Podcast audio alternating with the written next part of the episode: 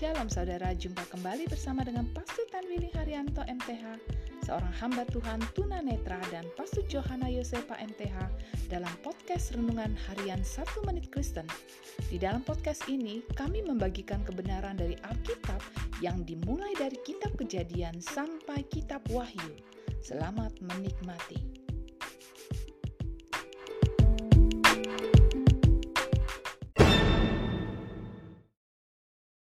Shalom saudara-saudara yang sangat berharga di hati Tuhan Firman Allah hari ini mau mengingatkan kepada kita bahwa Allah mempunyai hari esok untuk kita. Ketika Allah berbicara kepada Musa bahwa Allah mau menetapkan hari esok Bahwa hari esok akan ada perbedaan antara ternak Mesir dengan ternak orang Ibrani. Ternak orang Mesir akan mati sedangkan ternak orang Ibrani akan hidup.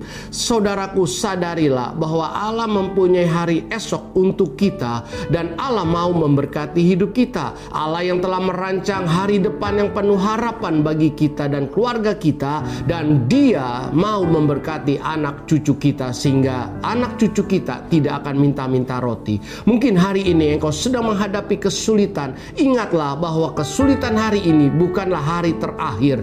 Songsonglah hari esok sebab Allah sanggup memberkati kita hari esok karena dia punya hari esok untuk saudara dan saya saya. Amin.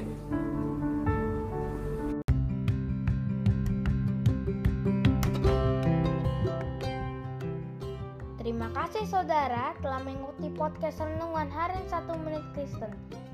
Doa kami kiranya kebenaran yang saudara terima akan membuat saudara semakin berakar di dalam Tuhan dan bertumbuh dan berbuah lebat di dalam Tuhan. Tuhan Yesus memberkati.